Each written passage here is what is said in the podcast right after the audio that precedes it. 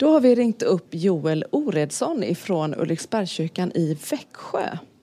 Alltså Joel, du finns ju i Rumänien just nu. Vad gör Ja, du där? precis. Vad gör du för något? Ja, ja, nu har jag varit här eh, för eh, femte gången i Rumänien faktiskt sen kriget började. Så nu har jag varit nere med min familj den här gången. Och besökt lite församlingar som vi har samarbetat med då. När det gäller sådana här hjälp, hjälpinsatser för folket i Ukraina. Häftigt. Ni, har, har ni ett stort arbete i, eh, i Växjö när det gäller flyktingarna från Ukraina?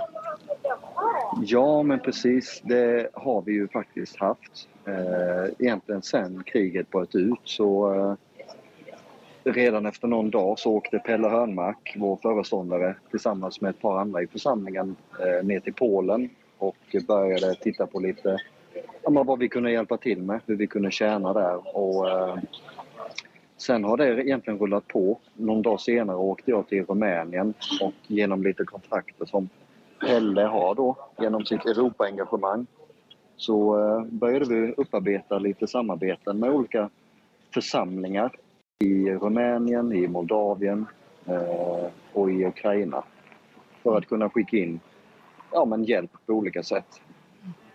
Va, vad är det för hjälp ni ger till dem?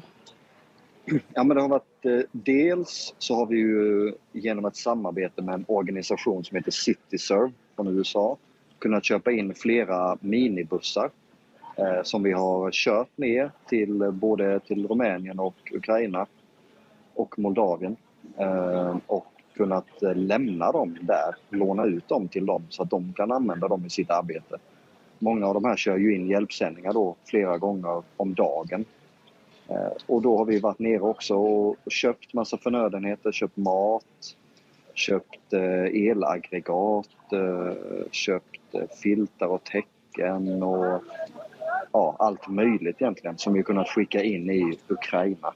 Eh, Mm. Till olika, ja, men olika center där och olika församlingar som arbetar eh, outtröttligt med detta. Mm. Det är helt fantastiskt. Ja, det måste vara fantastiskt att se deras engagemang. Alltså, hur, hur berör det dig när du ser vad de gör för sitt eget folk? Ja, men det är otroligt. Från, från min första resa i Rumänien där då så blev jag så gripen just av det rumänska folket. Mm. Eh, hur oerhört eh, mycket de gav ut för de här människorna. Som, för då kom det ju väldigt mycket flyktingar till Rumänien. Så de gjorde om sina kyrkor till sovsalar och, och eh, körde folk hit och dit var de nu behövde komma till andra ställen i Europa. Och, och åkte och hämtade dem vid gränsen och stod och lagade mat dygnet runt. Och, ja, det var helt fantastiskt. Människor eh, tog ledigt från sina jobb för att kunna hjälpa till. Och det här är ju inget folk som är rikt direkt utan det är ju ett fattigt land rent allmänt. Mm. Så det har varit ja, väldigt gripande. Alltså man blir ju väldigt motiverad själv att, eh, att fortsätta engagera sig. Ja, det förstår jag verkligen. Hur ser det ut? Är det mycket flyktingar hela tiden som kommer? Eller det... hur, hur... Ja, nu, nu, till en början var det ju det. Eh, stora strömmar hela tiden av människor. Eh, men, men nu har det ju eh, sinat ut lite. Eh, och många väljer att stanna kvar inne i Ukraina fast i tryggare delar då. Eh, så mycket där i, i eh, nord, nej, sydvästra Ukraina Mm. där finns ju rätt mycket sådana här center där många bor som har flytt ifrån de mer eh, östra delarna av Ukraina. Eh, Så vi försöker liksom fokusera där också och hjälpa till där på plats. Eh, Om, om de väljer att stanna där och det vill de gärna så mycket de kan.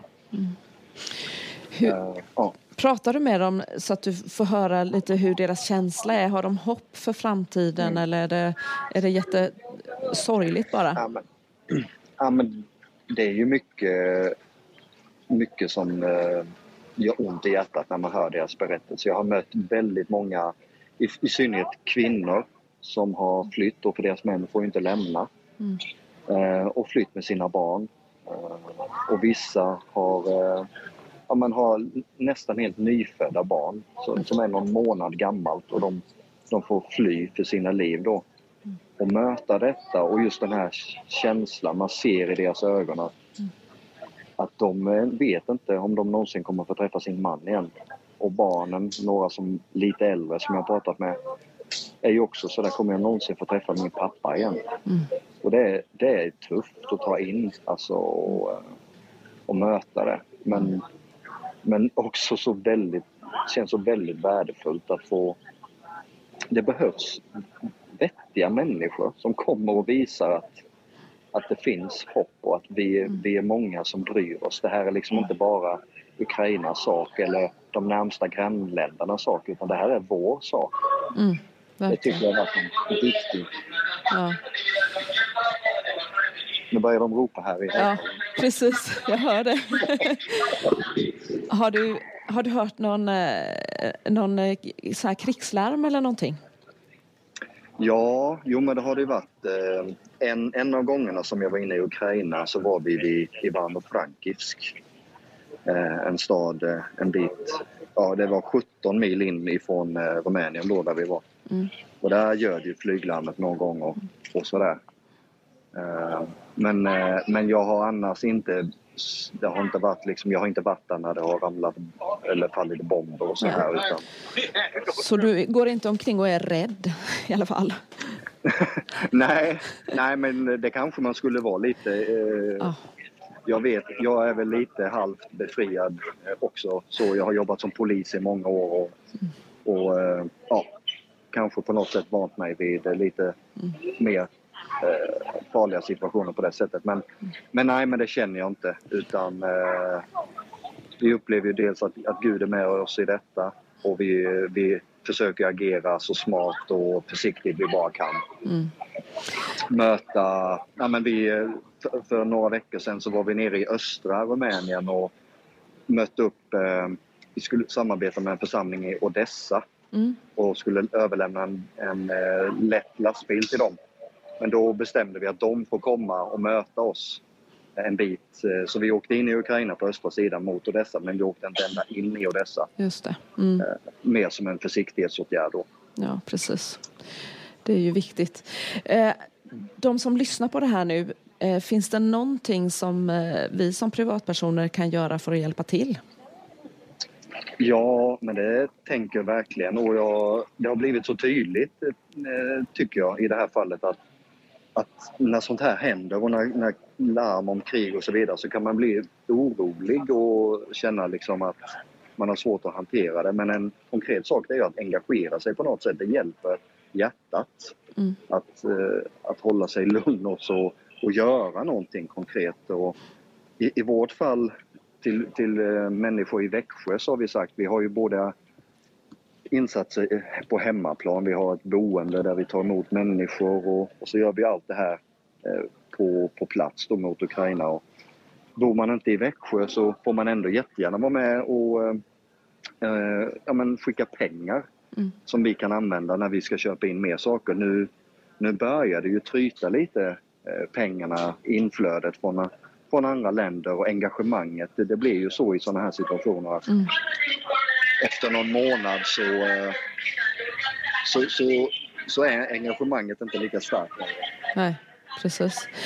Eh, Så man finns... kan, man kan swisha Ulriksbergskyrkan om man vill vara med Ah. och veta att pengarna de kommer gå raka vägen fram, hela vägen in i Ukraina till precis vad de behöver eftersom vi, vi har ju kontakterna inne i Ukraina som de berättar för oss. Det här behöver vi. Okej, då köper vi det. Mm. Så vi går inte att chansa på att de behöver det ena eller det andra utan det är väldigt konkret sådär.